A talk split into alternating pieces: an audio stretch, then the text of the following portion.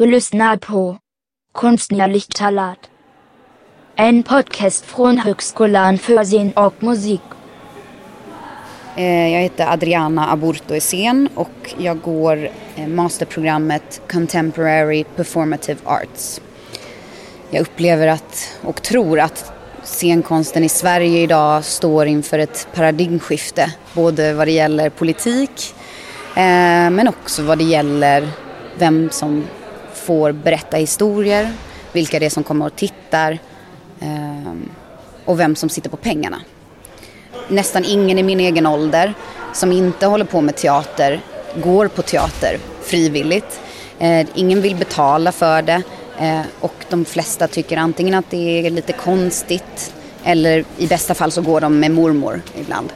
Så då försöker jag undersöka om, ja, men om inte teatern vill komma till institutioner så kanske det är dags att, att eh, vi, för jag går ändå på, på en institution nu, eh, kommer till dem eller testar hitta nya former eller går ut i andra rum. Eh, och också vågar definiera min, min publik och vem jag vänder mig till. Och det tror jag kommer komma mer och mer i framtiden. Det ser man också i min generation. Du lyssnar på Konstnärlig talat.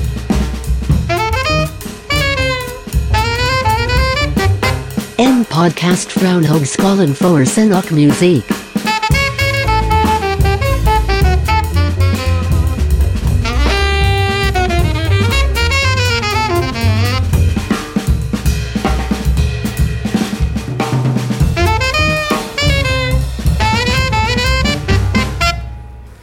Ja, Marcus, var befinner vi oss nu någonstans?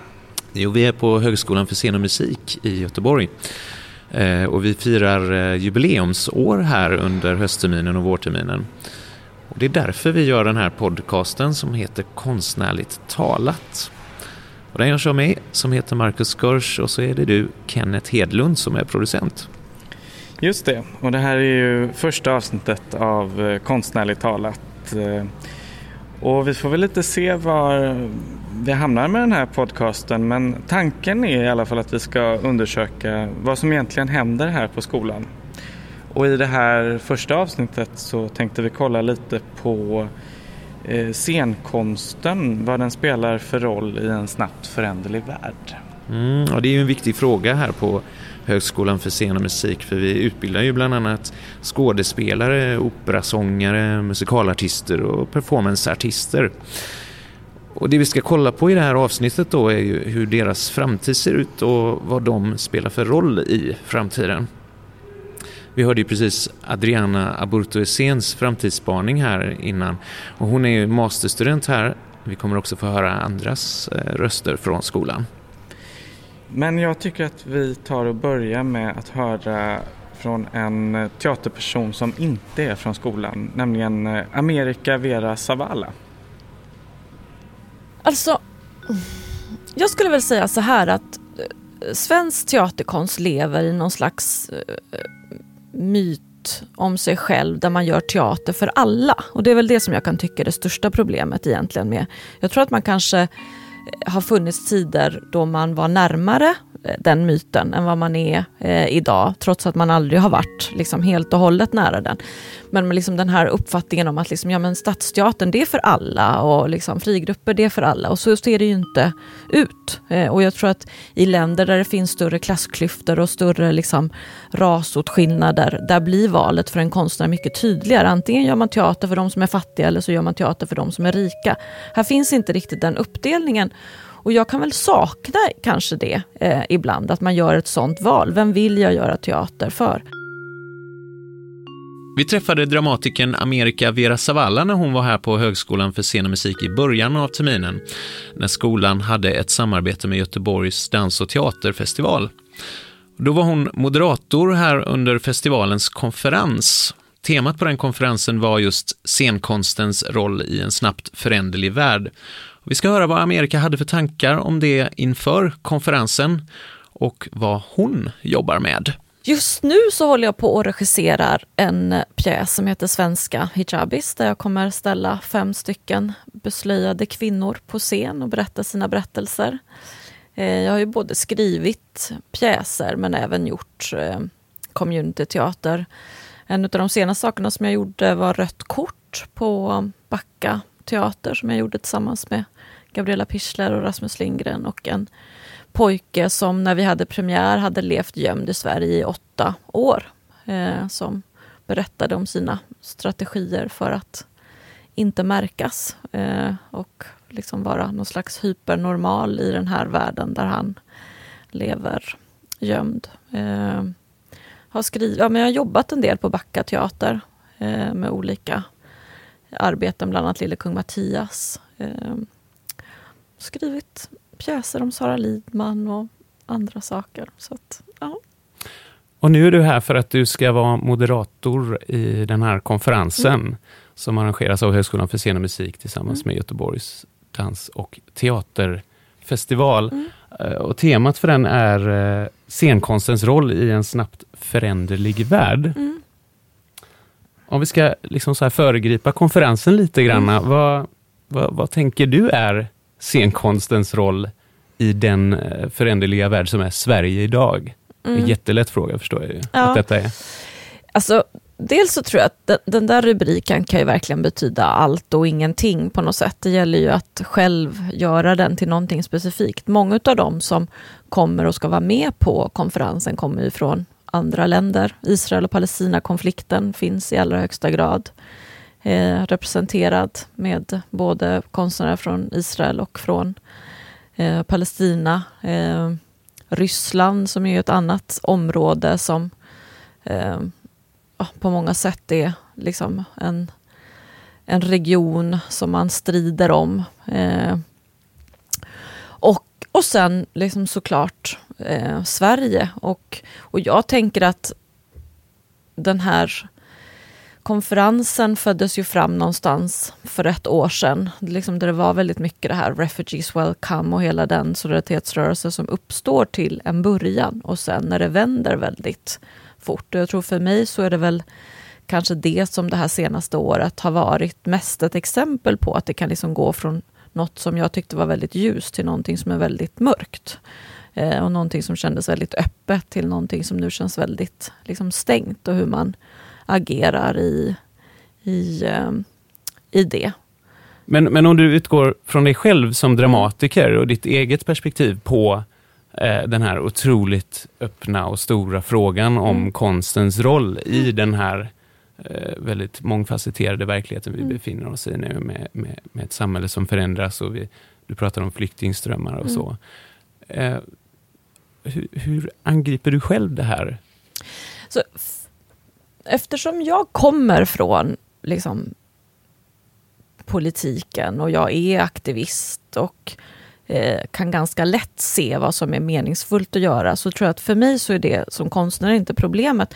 Men däremot tror jag att mitt problem idag kan vara liksom hur, på vilket sätt, med vilken form, med vilken estetik visar man upp en berättelse? Jag tänker på, idag så vaknar jag och den här bilden har kablats ut över hela världen med fyra franska poliser som står eh, och omringar en kvinna på en badstrand i Frankrike som de har tvingat att ta av sig en tröja för att hon är muslimsk och de har fått för sig att man inte får bära eh, det som då är en burkini på, på stranden. Och när jag såg den bilden så ser det verkligen ut som en konstnär som har gjort en installation över någon form av liksom postkolonialt förtryck eller islamofobi. Alltså det är så svårt att förstå att den bilden faktiskt är på riktigt. Eh, att fyra poliser har som liksom högsta prioritet att tvinga av en kvinna kläder på stranden i Nice. Så jag tror att där, det finns ju väldigt mycket liksom bilder idag som är nästan liksom gränsar till vad man skulle kunna tro är liksom ett montage, för att de är någonstans så politiskt absurda. Och vad ska vi göra då, vi som är konstnärer eh, och har till uppgift eh, att skapa bilder och skapa liksom rum och sådär. Vad, vad, vad skapar vi för slags bilder? Jag tror att det är en sån fråga som jag kan ja, men, tänka på. Alltså, för att vilken berättelse man ska berätta, det finns ju liksom tusen viktiga berättelser att berätta. Hur det är att ta sig över Medelhavet, hur det är att ta sig hit, hur man ska, hur man ska ta sig in i Sverige. Alltså alla de... Eh, eh, liksom hur, ja, men hur det ser ut på något sätt. Liksom, så själva berättelsen är, tycker jag inte så... Liksom, det är, där har man mycket att välja mellan och det handlar om att få fram liksom, en, en dramaturgiskt intressant berättelse. Men hur ska man presentera den eh, när man är liksom, omgiven av så mycket bilder? Mm. Kan det bli så här ibland att dramatiken, eller konsten för den delen, eh, knappt skiljer sig från journalistiken om man säger så? Ja, absolut, så kan det bli. Och, och där tror jag att eh, dels alltså, journalistiken har ju fått förändrade förhållanden också med liksom, större press och större stress och liksom, mer klickbarhet. Eh, och sen så tycker man kanske som konstnär att man ska liksom vara ett komplement till den här journalistiken, att bli som en bättre journalist, vilket egentligen inte är vår roll och vi inte ska eh, bli. Men ibland så blir vi det ändå, för att det kanske är vi som presenterar den här längre fördjupade berättelsen. Samtidigt som jag tror också att det är väldigt viktigt att, alltså jag, jag har inte den här Alltså för mig, den berättelsen som jag presenterar på scen, det är den berättelse som jag har fått höra från dem. Jag skulle aldrig kontrollera om den är sann eller inte. Och Det tror jag är en väldigt viktig skillnad mellan journalistik eh, och eh, konst. Du jobbar med någonting som du kallar community-teater. Mm. Eh, vill du försöka dig på att förklara vad du menar med den termen? Ja, absolut. Det är inte alls svårt. Community-teater är en teaterform där eh, man så att säga, dramatiserar människors egna berättelser och där man ger dem en möjlighet att själva stå på scen och framföra den. Så att, eh, och de som står på scen brukar jag kalla för experter eh, och ibland skådespelare, men liksom de är experter på sitt område. Och jag som professionell dramatiker, regissör kan liksom ja, men dramatisera, ge en dramaturgi, eh, förhöja, ge en form, sätta ljud, musik, eh, allt möjligt. Men det är ändå liksom deras berättelser som är i centrum för, för det. Eh, och, deras, och det är deras riktiga berättelser. Mm. På vilket sätt är det meningsfullt att jobba på det här sättet istället för med det traditionella att man har ett manus skrivet av en manusförfattare? Ja, alltså för mig så handlar det om, jag tycker väldigt mycket om den här, alltså den, jag tycker om att gå och titta på communityteater, det ger mig väldigt mycket. Jag tycker att det finns en annan slags kvalitet och en annan eh, ja, men en annan slags kvalitet och en annan upplevelse än liksom vanlig eh, traditionell teater.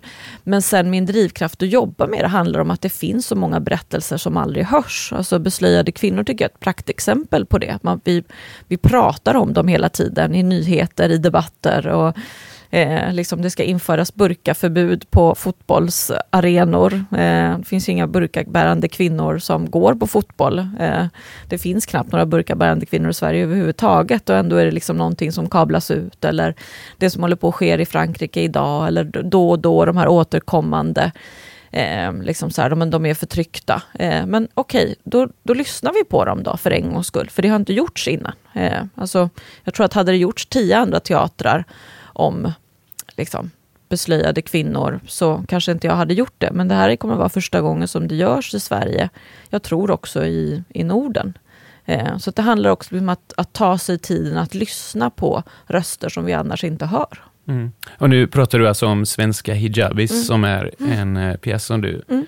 har skrivit tillsammans med ett antal kvinnor. Och, Ja, eh, precis. Eller det är jag som skriver manus, men manuset är byggt på saker som vi har pratat om tillsammans. Så kan man väl säga. Så det är fortfarande jag som skriver manus, men till grund ligger deras berättelser, men också övningar som vi har gjort. Och sen har det kommit fram någon berättelse, något minne, och sen har jag på något sätt eh, dramatiserat den. Så det är jag som har skrivit manus, det är jag som har regisserat. Men det, det som sägs på scen är en verklighet som de lever i. Eh, så det är inte så att de spelar beslöjade kvinnor, utan de är, mm. vad heter det, hijabis.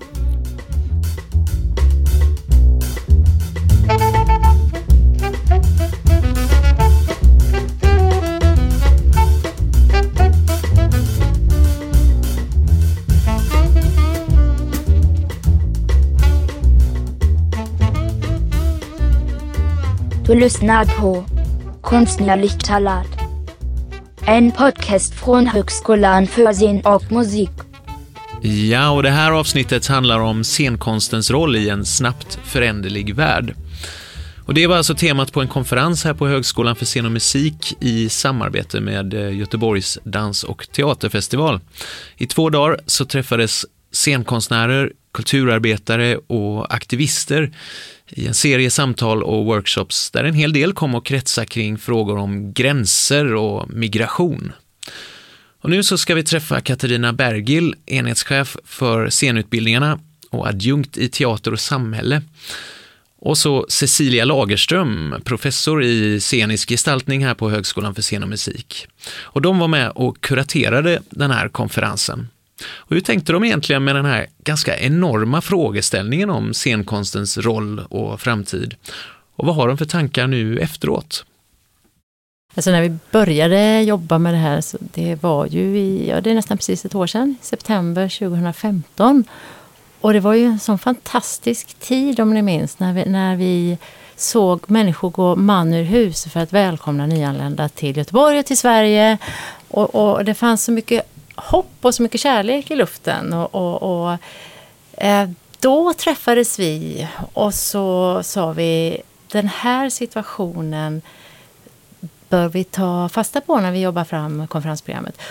Och det sorgliga i det hela det är ju att, att eh, mm, Europas gränser stängdes bara några månader senare. Mm. Men desto viktigare att se vilken roll spelar scenkonsten i det här. Och vi jobbade då på att få hit konstnärer som verkligen i sin praktik jobbar med de här frågorna. Och vi hittade ett gäng fantastiska människor, både forskaraktivister och scenkonstnärer. Och under den tiden hade ju också allt fler konstnärer börjat jobba med den här tematiken från det ögonblicket som du nämner och eh, bara några månader fram. Och det märker man ju en, ja, även idag att det är väldigt många jobbar med den här te tematiken. Och vi, vi påminde varandra gång på gång, vi var ju flera personer i den här arbetsgruppen, om, om att bjuda in människor som så att säga äger frågan. Så att det inte var eh, svenskar som på distans talade om detta utan att det fanns ett inifrån perspektiv. Och, och eh, det som vi upplevde under konferensen när till exempel Maya Zbib från Libanon berättar om hur hon jobbar i Libanon eller i flyktingläger i Calais. Det är ju inblickar i en, eh, ett konstnärskap och en verksamhet som man sällan möter annars. Är det något särskilt som ni har med er något som känns extra tungt och bra att ha med sig in i, i det fortsatta arbetet här? Jättemånga olika perspektiv, men, men det här ordet som inte finns på svenska bär jag med mig och det är eh, ordet empowerment. Att få andra att få egenmakt, att och, och, det tyckte jag Maja Azbib jobbade med så bra. Hon är från Libanon alltså. Och hon jobbar med eh, kvinnor i Libanon eh, som lever i eh, förhållanden där, där våld förekommer. Hon jobbar med flyktingar i flyktingförläggningar och så vidare. Och hon jobbar verkligen med egen makt. Att de ska genom teatern få verktyg att ta återta makten över sina egna liv. Och det tänker jag är ett, både ett perspektiv utifrån flyktingsituationen men också in i vår pedagogiska verksamhet. Att, att eh, dels förhålla oss till omvärlden men också jobba med egen makt och eh, eh kreativitet i en kombination. Det tycker jag hon gjorde så väl. Sen var hon också väldigt spännande i slutpanelen där för att eh, Amerika Vera Zavala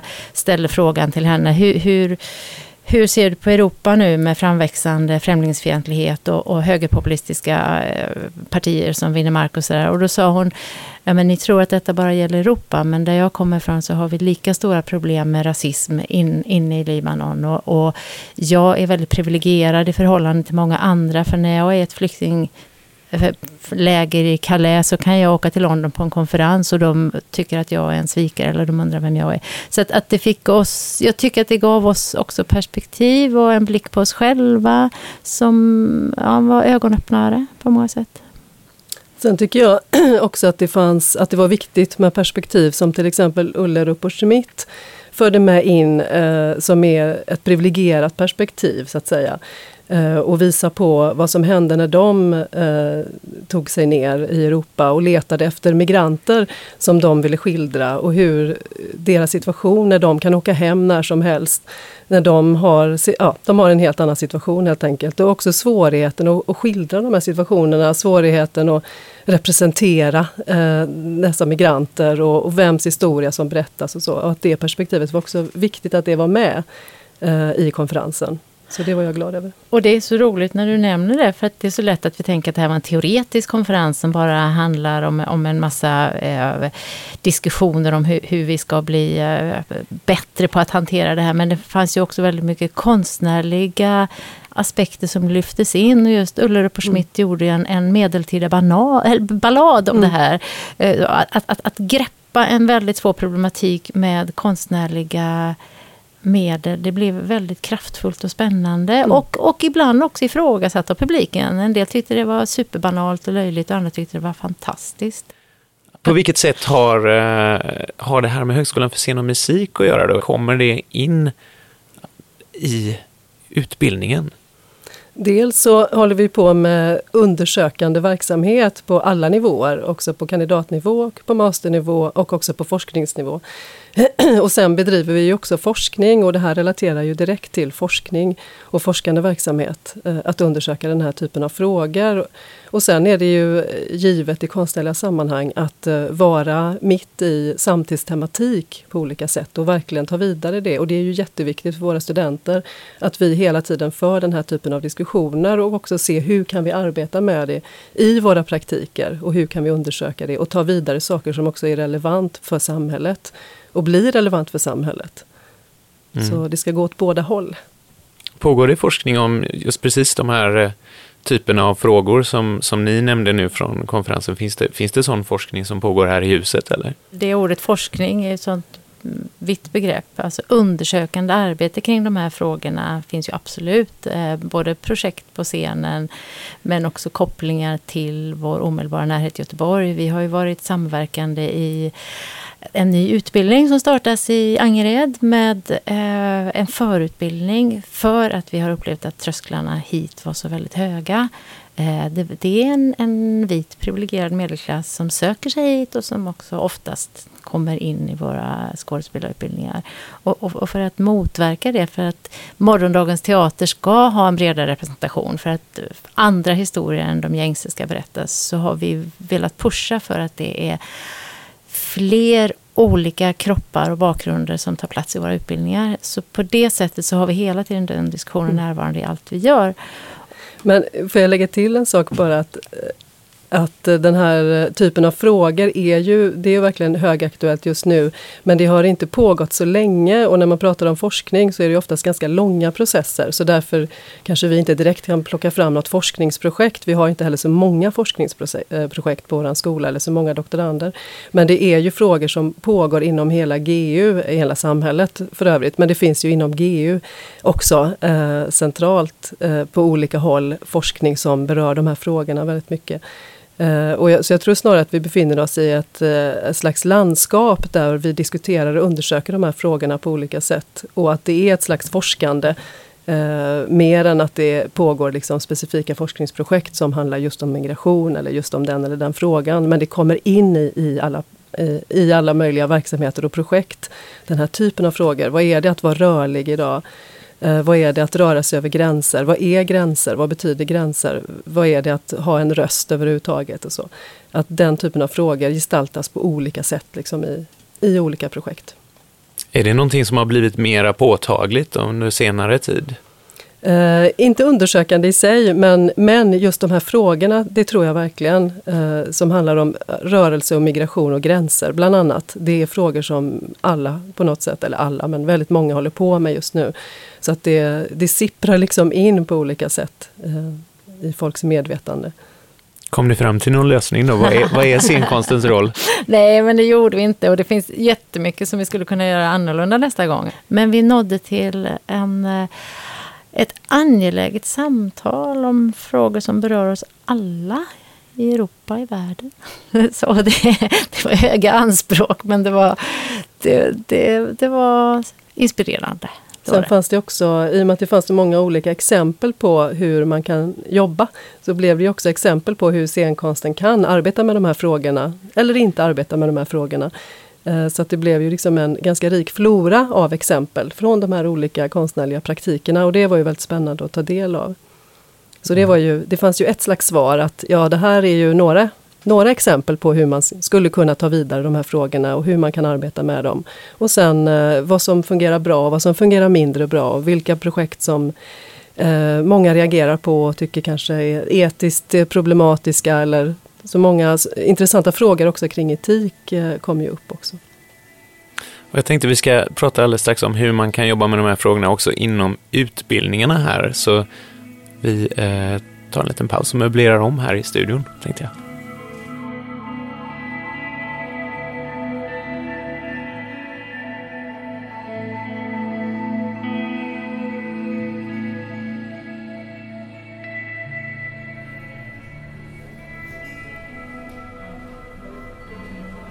Hej, jag heter Nils Reinholtz och jag går på Högskolan för scen och musik i Göteborg och läser eh, mitt första år på musikalprogrammet här. Jag hoppas att eh, för musikal så eh, ska det i framtiden finnas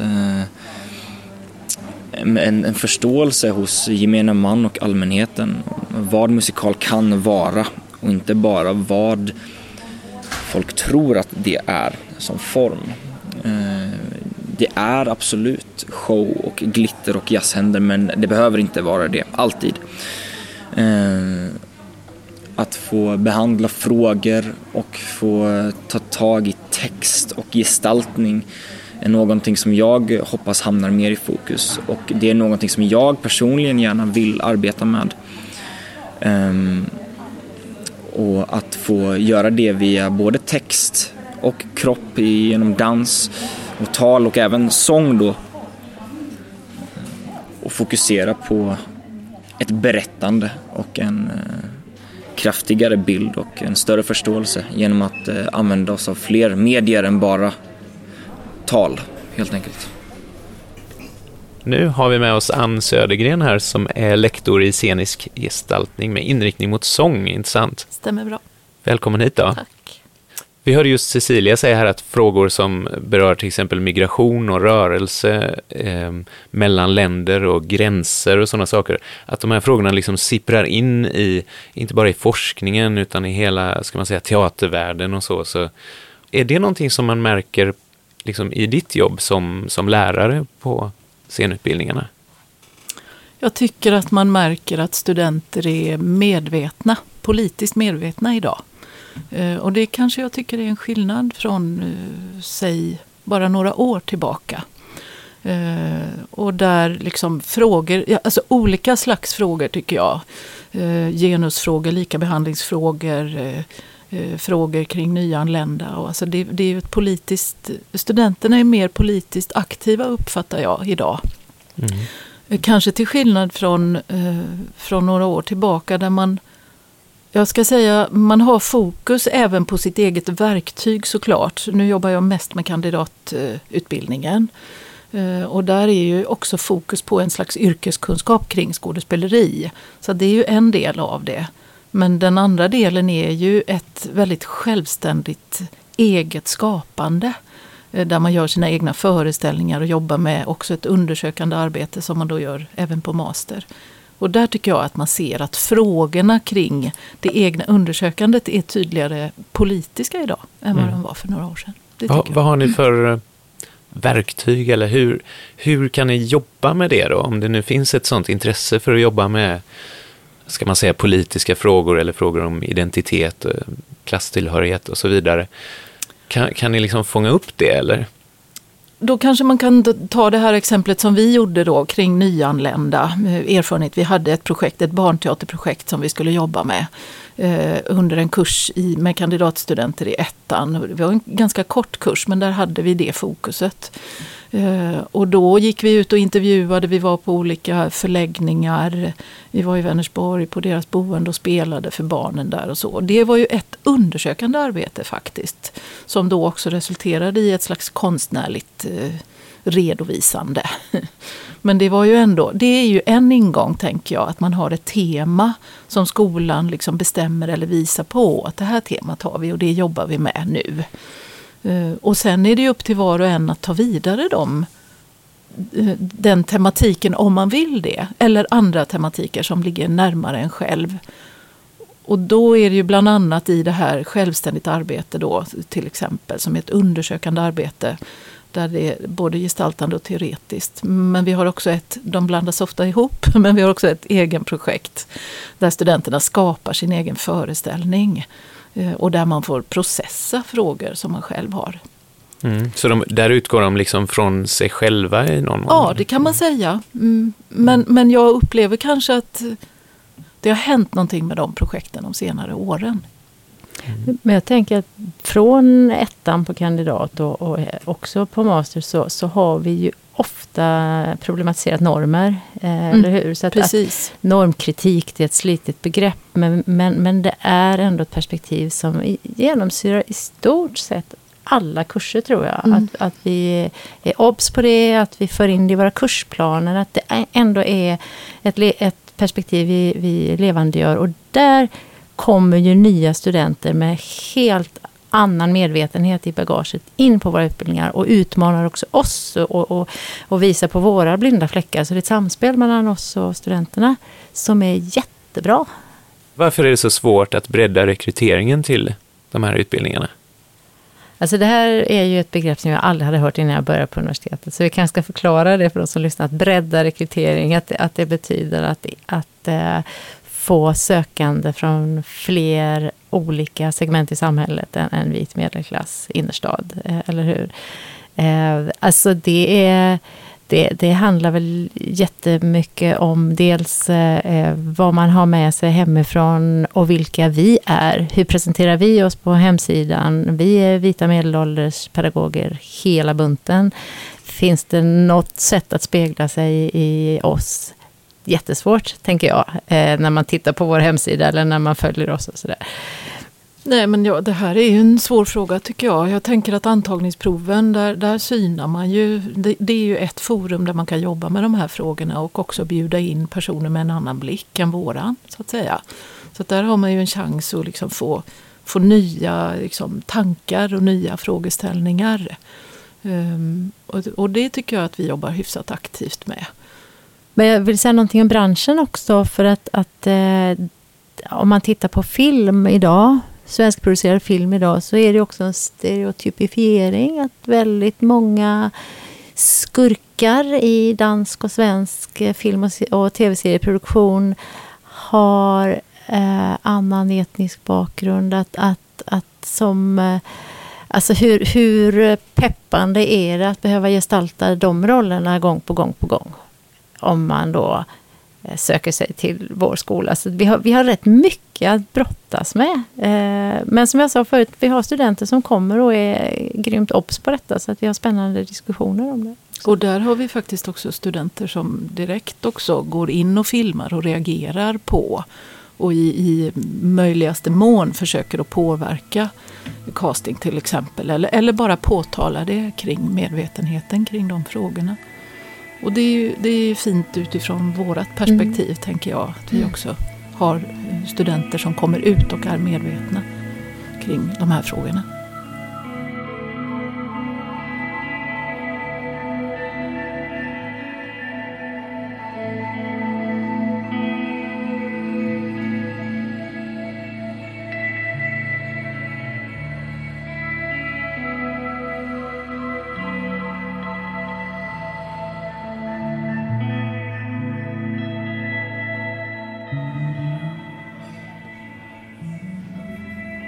Ja du, producent Kenneth. Eh, nu så är snart första avsnittet av eh, Konstnärligt talat slut.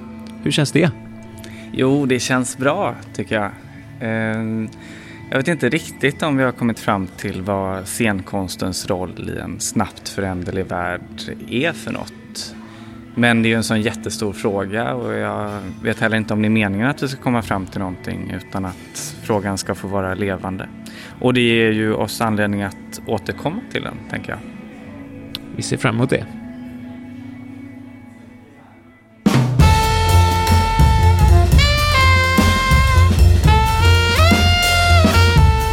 Du har lyssnat på Konstnärligt talat.